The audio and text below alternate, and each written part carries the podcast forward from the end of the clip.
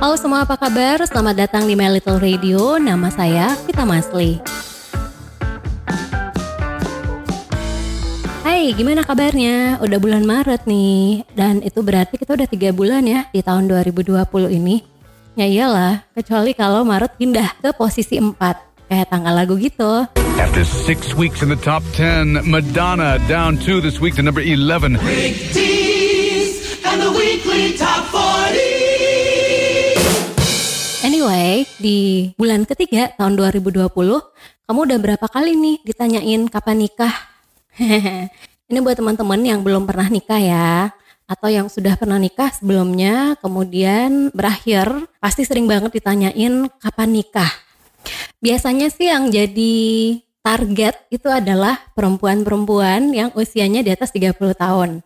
Tapi gue juga nggak bisa bilang kalau laki-laki nggak pernah ditanyain untuk kapan nikah. Karena biasanya mereka juga sering ditanyain kapan nikah kok. Cuman emang nggak seintens perempuan-perempuan. Ya nggak sih?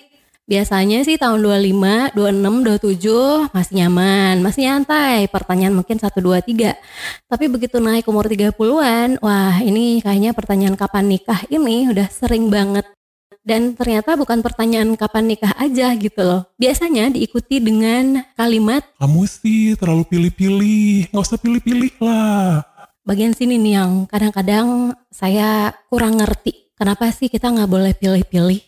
Katanya gini, nggak ada manusia yang sempurna. Kita pun juga nggak sempurna sih. Ya juga sih sebenarnya, nggak salah. Nggak ada manusia yang sempurna. Tapi kalau kita bisa lihat nih ke kasus-kasus ataupun masalah-masalah yang dihadapi oleh orang-orang yang sudah menikah dalam artian mereka nggak pilih-pilih atau nggak terlalu picky, nggak terlalu apa segala macem. Ternyata banyak kasusnya juga loh. Yang paling seru, ini baru tadi pagi nih aku baca di Twitter. Jadi ceritanya sebelum menikah, istrinya ini dapat warisan dari neneknya. Pokoknya rumahnya gede banget. 6 kamar, 7 kamar mandi. Terus ada kolam renangnya. Nah waktu masih single, istrinya tuh kerja di desain interior. Jadi dia mengisi rumahnya sendiri. Pas pacaran gitu, tiba-tiba si cewek ini bilang nih, kalau dia siap menikah dan rumahnya udah diisi. Cowoknya mah tinggal datang aja ngelamar dia secara baik-baik ke keluarganya. Ibaratnya lo tinggal bawa diri aja gitu kan. Nah ternyata sang calon mertua ini nggak seneng gitu loh ke cowok ini. Karena menurut sang calon mertua, bibitnya tuh dari kalangan kelas bawah. Dan keluarga si cowok ini masuk dalam kategori kemiskinan. Karena ada yang jadi tukang beca, ada yang jadi pemulung, ada yang jadi tukang cuci, dari kuli. Ya pokoknya kerjaan yang kayak gitulah. Kecuali si cowok. Si cowok ini pekerjaannya lumayan sih. Dia tuh jadi wedding organizer gitu. Nah kalau udah kayak gini kasusnya emang udah sering banget dialami oleh banyak pasangan. Kamu tuh udah ngerasa siap lahir batin untuk menikah. Terus kemudian ternyata bukan lu yang pilih-pilih. Keluarga lu yang pilih-pilih. Ngeliat si calon tuh mulai dari keluarganya, kemudian dari pekerjaannya, dari penampilannya. Lalu kemudian si cewek ini secara persuasif gitu ya, membujuk orang tuanya, akhirnya mereka menikah.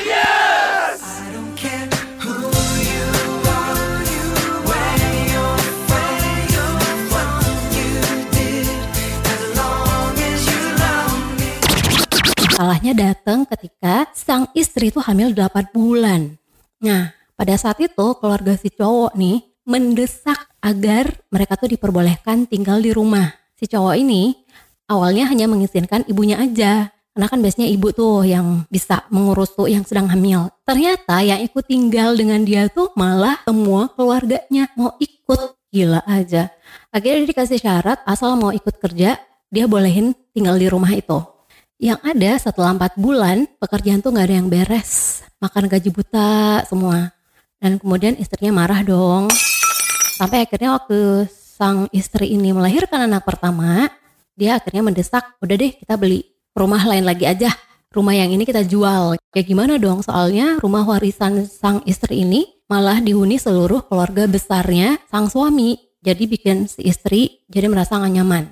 Nah habis itu mereka pindah kan. Terus si istri udah kepikiran untuk jual rumah itu. Dan ternyata berita tentang rumah itu mau dijual tuh kedengaran ke ke keluarganya sang suami. Which is itu menjadi berita bahagia buat mereka. Karena mereka udah mulai hitung-hitungan kalau umpamanya rumah ini dijual mereka bisa dapat berapa.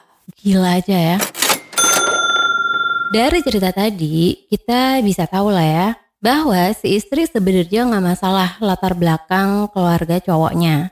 Yang penting dia ngerasa cowok ini pekerja keras, mau berusaha, usahanya juga jalan. Malah orang tua si istri yang bisa dikatakan milih-milih banget. Gak ngebolehin anaknya menikah dengan si cowok karena cowok ini dari keluarga yang secara finansial emang gak sepadan. Which is itu kemudian emang bener sih pada akhirnya emang perbedaan antara finansial dan gaya hidup itu emang gak gampang untuk disesuaikan. So, milih-milih gak salah juga kan? Ada kasus lain di mana ada cewek nih yang saking gak maunya ngejomblo karena dikira ntar gak laku dan terlalu sering diintimidasi lingkungannya kalau dia terlalu pilih-pilih. Akhirnya dia menjatuhkan pilihannya pada orang yang menurut temen-temennya atau orang-orang di sekitarnya udah deh dia aja. At least kan dia punya pekerjaan kan. Ya meskipun serabutan yang penting kan dia mau sama kamu. Jangan lihat orang dari hartanya deh. Aku tak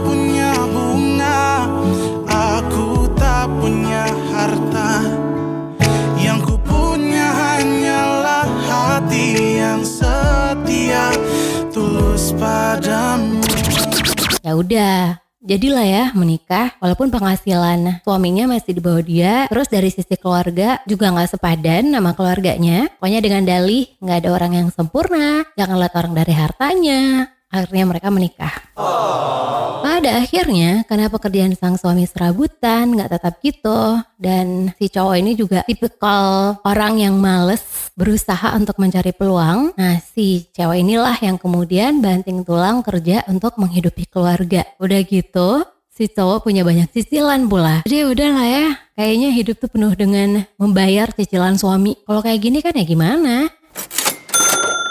Banyak sih kasus-kasus di mana cewek-cewek jadi korban omongan jangan pilih-pilih. Biasanya mereka ketemu sama cowok-cowok yang punya hidden agenda. Ada yang cuma diporotin, ada yang kemudian udah dijadiin tulang punggung keluarga, eh malah diselingkuhin. Ada juga yang kayaknya udah mapan, tapi kemudian pas nikah punya banyak utang, punya banyak cicilan yang harus dilunasi bersama.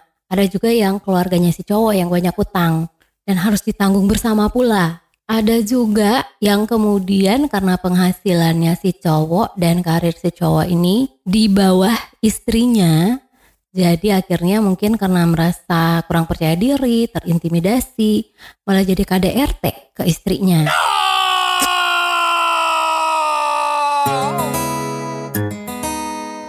Banyak sih ya cerita-cerita sedih lainnya yang menurut gue sih bisa dihindari kalau si cewek pasang standar. A scrub is a guy that thinks he's flying this, also known as a buster. Always talking about what he wants and just sits on his broke ass soul. Oke, nobody's perfect. Nasib orang juga nggak ada yang tahu. Tapi kalau masih bisa yang setara sejajar dengan kamu, kenapa enggak sih? Tidak terlalu di atas kamu, tapi juga tidak terlalu rendah sampai menyusahkan dirimu. Yang setara sejajar aja lah kayak gitu. Dia tidak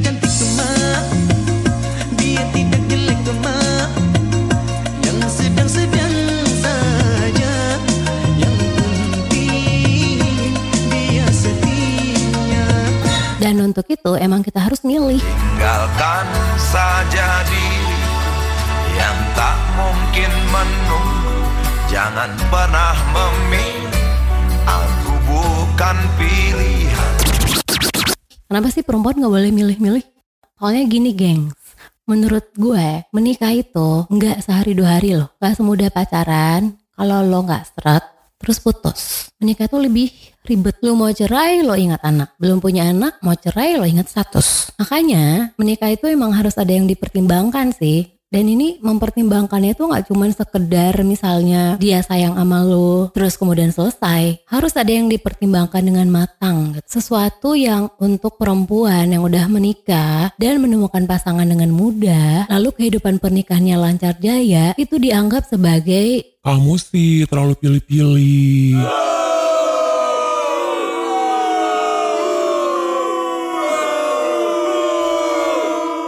Tolonglah sis. Jangan berpikir semua orang tuh bisa dengan mudahnya menemukan jodohnya seperti dirimu. Ya kalau kamu ketemu sama jodoh kamu tuh dengan mudah, terus jodoh kamu itu sepadan sama kamu, nggak nyusahin, kehidupan pernikahan kamu lancar jaya, ya alhamdulillah ya.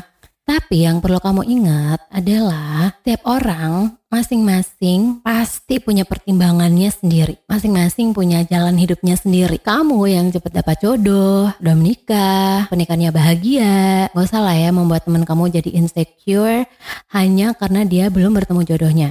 Kalau menurut kamu, teman kamu itu terlalu pilih-pilih, lo sodorin lah list calon buat dia yang tentunya sesuai dengan pendidikan, pekerjaan, dan penghasilan.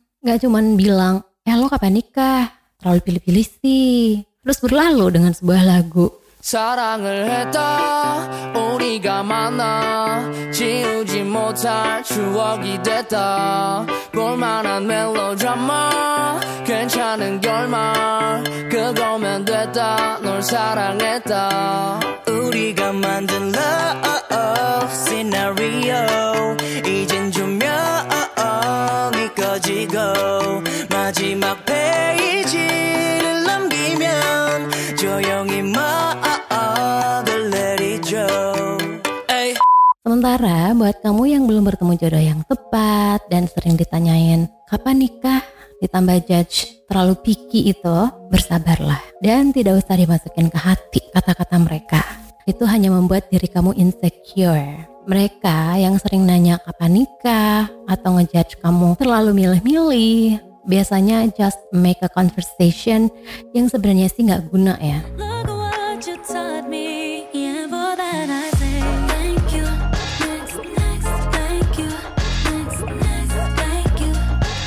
Tetap berusaha cari jodoh kamu berdoa minta dipertemukan. Jangan asal terima aja lihat juga orang itu sesuai standar kamu apa enggak. Ya daripada kamu menyusahkan diri kamu sendiri kan nantinya ya. Hanya saja nih ya perlu diingat juga pasang standar itu ya lihat diri kita sendiri juga sih. Kalau kita mah orangnya biasa-biasa aja nah saya kita ngarep Nikola Saputra sih? Kan gimana gitu ya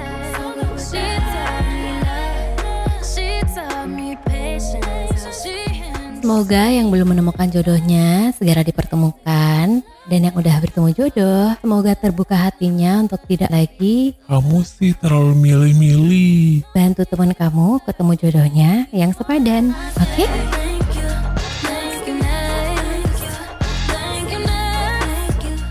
Terima kasih sudah mendengarkan My Little Radio. Kita akan ketemu lagi di episode selanjutnya. Saya Vita Masli. Assalamualaikum. Bye.